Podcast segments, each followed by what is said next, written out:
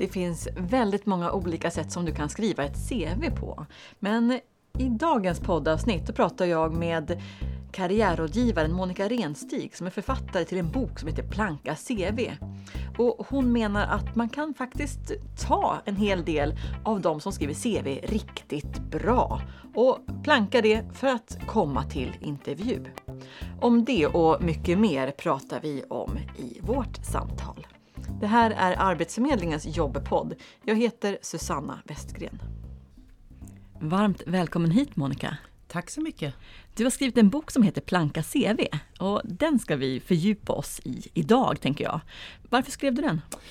Jo, det är ju så här att jag har jobbat som karriärrådgivare i 20 år ungefär och då tagit emot ungefär 2 500 personer som har kommit till mig och frågat hjälp, vad ska jag göra resten av mitt liv? Och då har jag faktiskt berättat det för dem. Inte tittat i någon spåkula men jag har utvecklat en liten kompetensmodell så man hittar en styrkor. Sen har jag också hjälpt dem att skriva om sina CV på ett mer säljande sätt. Och när man gör det på det här sättet så kommer man också, ska jag säga, nästan alltid till intervju. För det här handlar om kommunikation. Ja men vad spännande och jag tror att många som skriver CV, inklusive jag själv, hamnar i lite traditionella mönster mm. när jag skriver mina ansökningshandlingar. Mm. Mm. Plötsligt skriver jag kanske härmed ansöker jag och mm. vad jag heter och bor och mm. civilstånd kanske. Mm. Det är inte så intressant, eller hur? Nej, det, det är verkligen inte intressant. Vi har liksom ett så vad ska jag säga, alltså det de flesta människor i Sverige som vi är uppfostrade till, man lär sig att man ska skriva just som du säger, här är min ansökan, jag ansöker högtidligen, man, man riktigt ser hur de bugar och så och står med handen, mm. mössan i hand. Jag hittade annonsen här och där. Och, och ja, och så skriver man så. Och istället för att gå pang på rödbetan, för det första man ska lära sig det är nämligen att ett CV är inte ett oförvitlighetsintyg. Du förstår vad jag menar? Mm. Liksom, som ska, där det viktigaste är att inte uppvisa några luckor ja, som, som möjligen kan misstänkas mm. att man har suttit i fängelse en period. Det känns som att man har den rädslan inom sig. Ja, men visst var det lite grann så förut? Ja, att ja, man inte vi, skulle ha luckor? Ja, tror, Eller? Ja, alltså det, man vet ju aldrig vem som sitter mitt emot mig men jag lovar, chansa på det här sättet istället och du kommer till intervju. Ja men jag förstår det. Ja, för att ett, det är det första jag ska säga. Alltså ett CV, det är ett säljbrev som ska ta dig till intervju. Just det. Och som jag ser det så består ett CV då av en halv sida personligt brev ja, och så, som är matchar, som, mm. som lyfter dig. Och en sida meritförteckning och jag kallar alltihopa det där sammantaget för ett CV. Ja men spännande, för det där kan ju vara lite olika hur man benämner det. Men då vet vi att CV det är personligt brev och meritförteckning. Ja, tillsammans. Mm. Va? Och, och, och, och då kan man väl säga så här att misstaget som de flesta människor gör det är att de rabblar i sin meritförteckning alla sina anställningar och alla sina utbildningar i en kronologisk ordning. Mm. Och istället för att matcha, matcha sin kompetens mot vad arbetsgivaren frågar efter. Just det. Du ska ju välja ut det viktigaste. Jag har ju förflutet som ekonomijournalist mm. också. Mm. Och journalistikens grund är ju liksom att välja ut det som är mest relevant. Precis. Så du behöver verkligen inte, säger jag då, eh, berätta allt. Och har du liksom till exempel tagit en universitetsexamen så behöver du inte säga att du har en gymnasieexamen. Just det. Och kanske inte heller att det tog tio år för mig att få en examen. Nej, det kanske exakt. räcker med ja, att den är tagen ett visst år. Du behöver inte berätta någonting. Och det, jag förstår inte, överhuvudtaget så har ju människor fått mycket mer makt i sina liv. Mm. Annars mer empowerment om man är individ och man är stark själv och så vidare. Men när det gäller just arbetssökningsområdet, då ramlar man tillbaks 30-40-talet i, i, i, sitt sätt att, att, vara liksom rädd för det här arbetsgivaren. Så att, och vill absolut säga allt och så tänk, lägger man upp allt man har gjort mm. och sen är det då upp till arbetsgivaren ungefär som att gör med mig vad du vill, jag kan göra allting. Mm. så det. får man aldrig någonsin skriva, man kan liksom inte överlåta det ansvaret till arbetsgivaren om inte du själv vet vad du vill. Mm. Men jag har gjort det här. Så, så överlämnar man ju ansvaret för arbetsgivaren att gissa, kan hon eller han passa in? Precis. Utan man ska säga så här, jag söker jobbet som projektledare för att jag har drivit tio framgångsrika projekt de senaste tio åren mm. och slagit budget. Just så, ja. så att CV, det, det, är ju så här att ett CV Istället för att rabbla alla mm. dina utbildningar och erfarenheter i kronologisk ordning ska du göra om dem till kunskaper och färdigheter och dina tre allra bästa prestationer. Det där vill jag gärna höra mer om. Jag ska bara sticka in en fråga. För att jag tror att många är fast i mm. det här med att, eh, att meritförteckningen, eller då mm. det man kan kalla CV ibland, mm. att det är alltid som det är. Det är, liksom, det är statiskt. Ja. Men att det personliga brevet Mm. Det ändrar man. Men då menar du helt enkelt att man både meritförteckningen eh, och brevet, det, är liksom, det skräddarsyr man för varje jobb, eller hur? Exakt! Ja. Jag kan inte nog understryka hur, hur liksom viktigt det är och det är därför det inte funkar riktigt med LinkedIn. Mm. Som, för där lägger man ju upp ett statiskt CV med sin utbildning och sen arbetslivserfarenhet och det är ju ingen som råkar surfa in där om man inte rekryterar och IT jätteeftersökt yrkes K ska jag säga. Ja, men, man, men, men det blir ju väldigt statiskt för det är ingen som helst matchning då. Utan när du söker igen, för att återkomma att man ska skriva sin meritförteckning också, då ska man välja ut de kunskaper, de färdigheter, de prestationer som är relevanta för just det där jobbet. Och längst ner, allt det här ska vara på en sida, längst där nere kommer din högsta utbildning och dina relevanta arbetsplatser med din titel eller ditt yrke som bevisar att du kan allt det där. Just det. Alltså det är det som är själva tricket. Mm. Och sen ska jag bara säga, ja men hur, hur ska de... Sen vill ju arbetsgivare kontrollera men det är ju alltid så att till intervjun, då kan ta du med dig alltså din fullständiga portfolio eller dina betyg eller dina intyg och, mm. och, och, då. Men man måste förstå att det här sker ju i flera steg och första chansen det är att hur kommer jag med till en intervju? Just det, smart. Och det här med kompetenser då som du nämnde, mm. att man ska lyfta det i mm. sitt CV. Hur, mm. hur, gör man det på ett bra sätt? För att det inte ska bli för klyschigt eller kännas som floskler som eh, ja, att man har kompetenser eller egenskaper som passar mm. eh, lika bra på alla andra som på mig. Mm, precis. Nej, alltså eh, för det första ska man inte man, alltså, jag tror att det är psykologerna som har tagit över allt det där. Det blir så otroligt mycket fokus på de personliga egenskaperna, eller hur? Mm. Eh, och det är, inte, alltså det, tro, det är inte på dina personliga egenskaper du blir anställd, det där är en bluff, utan det är faktiskt på vad du kan för någonting. Mm. Och därför gäller det att lyfta dina kunskaper och mm. färdigheter, vad är det för du kan för någonting? Mm. Och sen kommer du till intervjun, då kommer dina personliga egenskaper fram. Mm. Och därför ska man ju inte lämna man ska ju inte skriva jag är drivande och energisk och analytisk och så. Mm. Men du ska skriva du måste läsa på om företaget där du söker jobbet. Mm.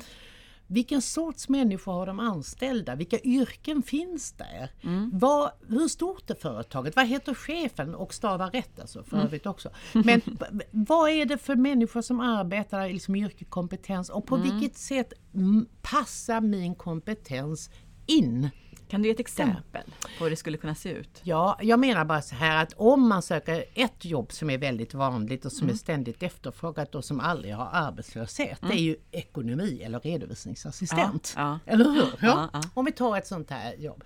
Så vill, om man tänker sig man söker ett sånt jobb, så vill ju den potentiella arbetsgivaren, hur bra kan du det här jobbet och hur duktig är du på det här? Och då får man vinnlägga sig att skriva om behärskar mycket väl löpande bokföring och kontering och rutiner, kan upprätta bokslut, eh, kan föredra inför ledningsgruppen bokslutet, mm. kan föreslå förbättringsåtgärder, hade högsta betyg i, i bokföring på senaste kursen. Mm. Alltså, det är faktiskt det de vill veta. Tydlighet. Ja, så tydlig Mm. och så. Och sen ska jag vara den första att säga att det är ju otroligt svårt för folk har ju väldigt svårt att formulera sig på ett mm, tillräckligt tydligt och konkret sätt. Det blir lätt för mångordigt, det blir för långt och så Mm. vidare. Och det är därför som jag skrivit den här boken där det finns färdiga CVn. Ja, där, man, där man kan hämta, behärska. Och då kan man använda sig av en skala hur bra man kan olika saker. Om vi då återkommer till det här med bokföring, bara för att det är Just ett det. Mm. enkelt och alla vet ungefär vad det är. Eh, så kan man säga behärska mycket väl löpande bokföring. Och så kan man säga behärska väl bokslut och behärska någorlunda årsbokslut och framträdande. Just det. Och då, då blir det så. Och sen längst ner som igen säger jag då är det beviset för att man har gått de här utbildningarna och har haft jobbat som det så många år.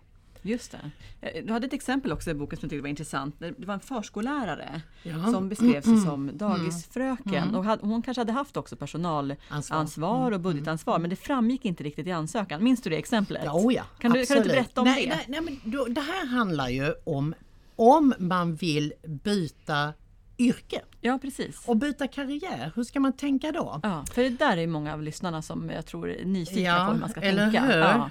Och då ska man ju naturligtvis eh, presentera sig själv som att man, alltså vad är det i det här nya yrket som man måste kunna och så måste man omvandla sig själv. Man får inte skriva själv att man var dagisfröken eller, eller förskollärare eller föreståndare utan jag har varit chef inom en offentlig verksamhet med arbetsledaransvar och eh, massa kundkontakter. Krävande kunder. Krävande ibland, De små kunder. barnen. Och, och så ska man tänka när man, man tänker inom, alltså inom vilka yrken gör man ungefär samma sak?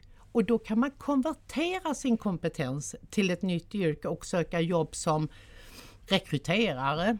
Man har ju anställt folk. Ja. Man kan söka som vanlig chef överhuvudtaget, mellanchef någonstans för att man har ju rekryterat, man har satt mål, man har följt upp, man har fördelat ansvar. Och så ska man tänka. Och när man då lyfter det i sitt säljande CV där man gärna tar direktkontakt där man vill jobba. Så ska man ju se till att man inte då presenterar sig som förskollärare eller barnskötare eller föreståndare på ett dagis eller förskola som det Ja, egentligen heter då. Ja. Utan man ska ju säga att man är chef. Ja. Har varit mellanchef, för det är ju precis det du har varit. Så det handlar väldigt mycket om hur du själv väljer att presentera och se på dig själv. Just det. Och hur gör man då om man känner att ja, men jag vill byta bransch och det här som du säger låter supersmart men jag kanske inte riktigt vet hur jag ska prata på det här nya sättet för att få min kompetens att översättas till den nya branschen. Vad, hur gör man för att man ska hitta rätt ord? Ja, man, kan ju, man kan ju läsa i boken. Ja, man läser boken. Ja, men, Ja. och där finns Och det sådana formuleringar. Ja, Ja. ja, men där finns det ju sådana exempel. Ja, men man skriver alltså, jag har varit mellanchef och då haft budgetansvar, jag har rekryterat folk, jag har satt upp mål Mm. ja, och, och eh, åtgärdat eh, kunders klaganmål och eh, allting. Alltså om man ser det med nya glasögon så har ju en sådan person ett jättestor erfarenhet. Ja. Jag har F- 15 års erfarenhet av arbetsledande funktioner. Nu kan jag gå till industrin och bli arbetsledare där. Just det. Ja. Eller det låter hur? som att man ska vara lite modig också. Att Ja. liksom våga ta för sig lite grann och sträcka sätt på inte ditt sig. ljus under skäppan inte. Nej, nej. Nej, det gör vi inte. Du, det här med spontanansökningar då? Det vurmar du för lite extra. Mm. Ja, det, det var, alltså, jag säger så här. Jobben tar aldrig någonsin slut. Utan det uppstår hela tiden nya jobb. Och oavsett hur liksom dålig världen ser ut alltså, eller hur deppig konjunkturen är. Nu är det nu inte alls det i Sverige för närvarande men det kan ju komma så. Men jag säger, jobben finns alltid och får man inga jobb så kanske man bara använder fel metod. Och då är det så här att alla har vi ju lärt oss att vänta på en annons eller gå till Arbetsförmedlingen eller gå till en rekryteringskonsult. Och detta är ju indirekta metoder där du frågar liksom eller tar hjälp av någon annan som ska fixa jobbet åt dig. Och då är chansen att få ett jobb bara 21% sammanlagt ungefär. okej. Om du istället tar saken i egna händer, då är chansen 80% att du får ett jobb.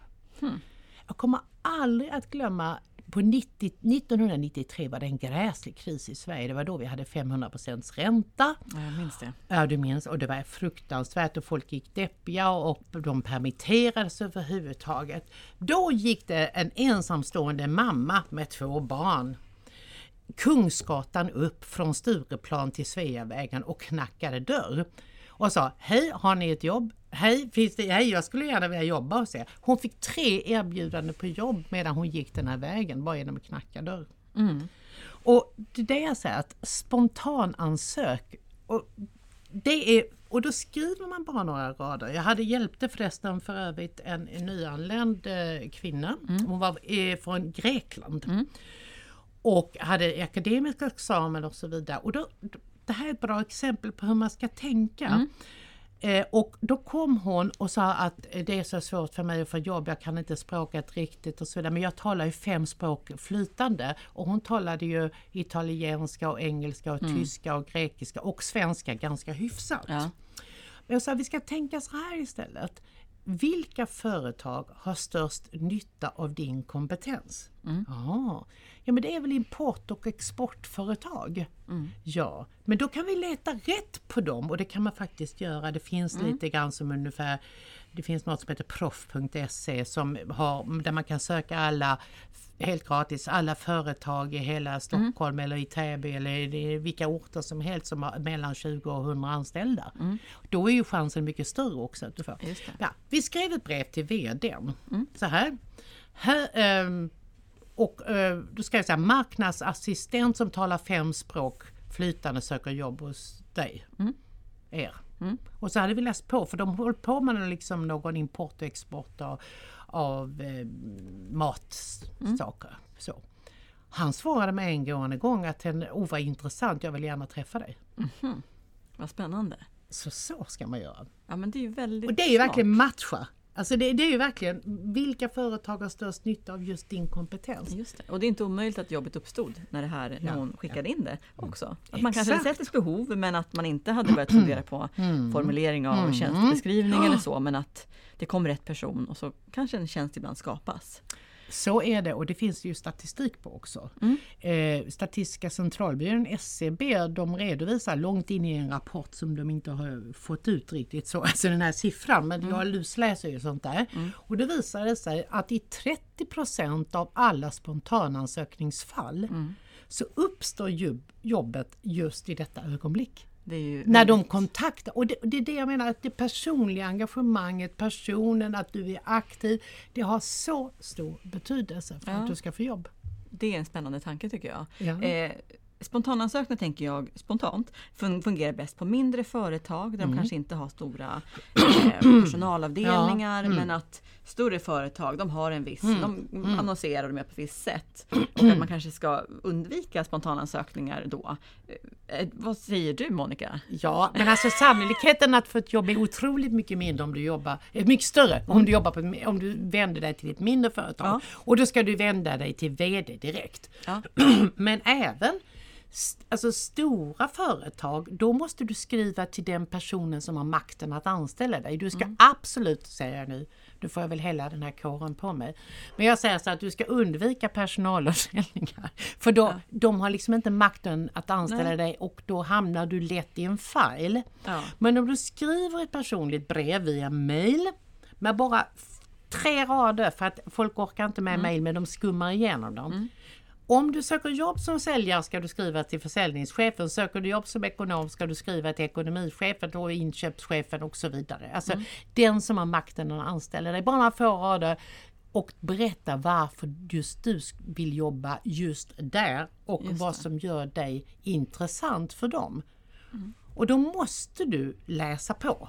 Liksom, du måste läsa på om företaget och säga ni behöver mig för att ni som, som i den här grekiska kvinnans fall, hon kunde ju många språk och då säger man att ja men då är det ju någon som håller på med mycket språk, eh, alltså mycket olika marknader, import och export, Ja. för då kan ju de då kan ju marknader utvecklas. Ja men precis. Det blir ju liksom en win-win situation där för dem. Ja, smart. Mm. Inledningsvis när vi pratade så sa du att man ska liksom inte rada upp långa, ja, alla anställningar, utbildningar och så. Men det kan ju vara så att man faktiskt inte har så mycket erfarenhet? Att man inte skulle kunna göra det ens om man hade möjlighet? Hur, hur gör man om man är rätt ny på arbetsmarknaden eller har varit sjukskriven länge och liksom ska tillbaka? Ska man tänka på något annat sätt då för att få fram den kompetens man har och ja, men kanske inte skylta helt med att man inte har så mycket erfarenhet eller att det var ett tag sedan man hade färsk kompetens? Nej, det, nej det, alltså man ska ju försöka då inte vara oärlig, naturligtvis mm. inte, men man behöver ju inte berätta hela bilden, eller hur? Nej. Det är ju ett säljbrev, varför ska mm. du göra det? Mm. Alltså då, mm. då åker du ju liksom inte med. Nej. Och du har ju ungefär 30 sekunder på dig att väcka något form av, någon form av intresse. Mm. Så att jag menar, det gäller ju verkligen, liksom, och även om du då är ny på arbetsmarknaden överhuvudtaget. Mm. Eh, då, då, är ju din senaste utbildning som är relevant. Men då, du har kanske ändå gjort någonting mm. bra i ditt liv, i ditt privatliv. Eh, men jag menar, men du, alltså, det här kan inte nog heller understrykas att ta fram de alla människor tror jag, i, särskilt i spontanansökningar och särskilt när man skriver säljbrev, måste ta fram de tre bästa arbetsrelaterade grejer du gjort i ditt liv. Ja. Och då ska du räkna upp det som är alltså resultat. Mm. Om du sålde bra eller om vi går över på det privata planet. Du kanske sjunger i en kör. Mm. Du kanske ordnade en sportresa. Du kanske var aktiv när du var ung i någon fotbollsförening och eh, delade ut och organiserade brevlådeutdelning. Mm. Det, det, kan du också, det säger ju ändå någonting om dig som person och att du är drivande mm. och, och, på det sättet. Ja, ska det vara med i brevet då eller är det med i meritförteckningen? Nej, i brevet. I brevet, I, i brevet kan ja. man sätta det och sen får man skriva då. Men mm. just nu, jag kan inte nog understryka också att just nu är det ju jättearbetskraftsbrist mm. inom en mängd olika yrken. Jag har en kompis som driver ett byggföretag och han säger att det är helt omöjligt, inte att hitta snickare och de som, utan att hitta typ sådana här projektledare, alltså som kan förhandla processer och ge offerter och på mm. kontoret. Han har försökt i åtta år utan att hitta någon som är kompetent nog att klara det. Så därför slutar han eller lägger ner verksamheten för han kan inte expandera. Det är så pass svårt. Alltså. Just det. Och då har man verkligen ett bra läge ah, som, ah. som arbetssökande. Ja, ja men vi, visst har du det. Och, och, och, och om någon skickar ett brev till honom just nu idag då liksom att jag har tre, två års erfarenhet av att projektleda mm. byggjobb mm. på något sätt. Eh, och har även viss säljerfarenhet. Mm. Skulle det vara intressant? Ja, ja. då får man det. Just det. Ja men det är bra att ta med sig just att det finns väldigt många arbetsgivare som faktiskt ja. skulle önska att kanske fler hörde av sig för att de har tjänster att tillsätta eller att kunna skapa. Ja. Men, alltså, men, problemet är ju att vi känner ju inte till, alltså folk i allmänhet känner ju inte till och inte säkert du heller, de hundra största företagen i Stockholm. Mm. Det kan inte du rabbla omedelbart, alltså det kan man ju inte.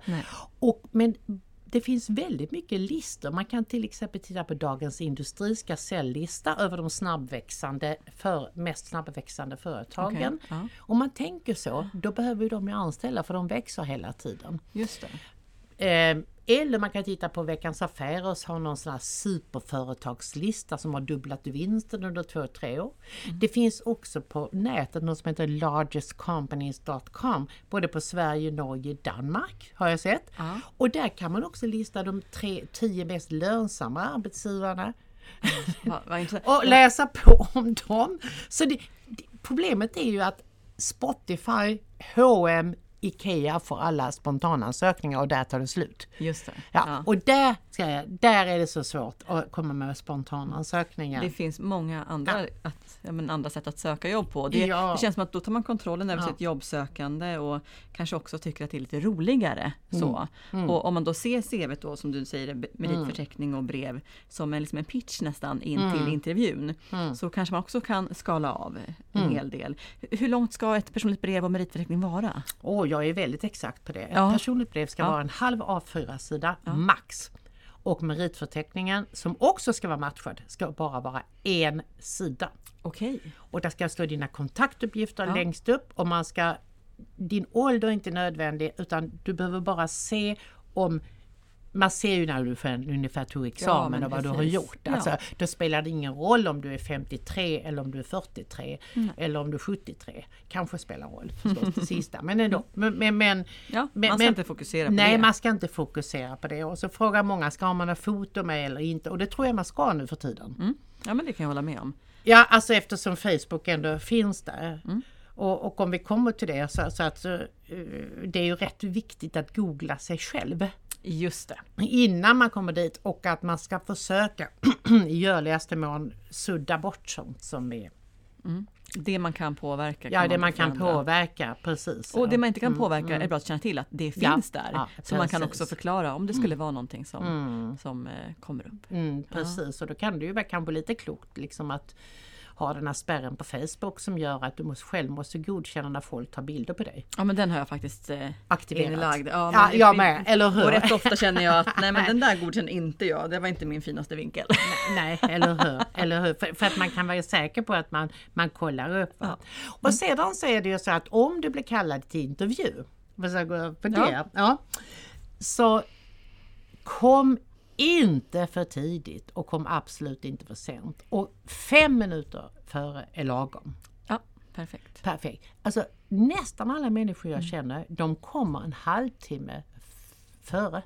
Även till mig, när de ska träffa mig. Ja. Och, och då blir jag faktiskt lite irriterad för att jag har ju faktiskt annat att göra. Jag kan inte, alltså jag Nej. menar jag klockan tre så menar jag att du ska möjligtvis vara i receptionen fem i tre. Precis. Ja, alltså. Ja. det- det- så- Svara i god och- tid och- men ja, inte för tidigt. ja, och är precis. man en halvtimme innan då kan vi passa på att ta en promenad i omgivningen och se vad spännande det här. Här kan jag käka lunch om jag får jobb här eller, Ja. eller så. Bekanta Eller sig lite hur? Men grann. man ska inte sitta där. Nej. Det ger liksom ett lite ängsligt intryck kan jag tycka. Ja. Och, och, och sedan så kan man eh, dagen innan intervjun Ja. kan man också faktiskt passa på och eh,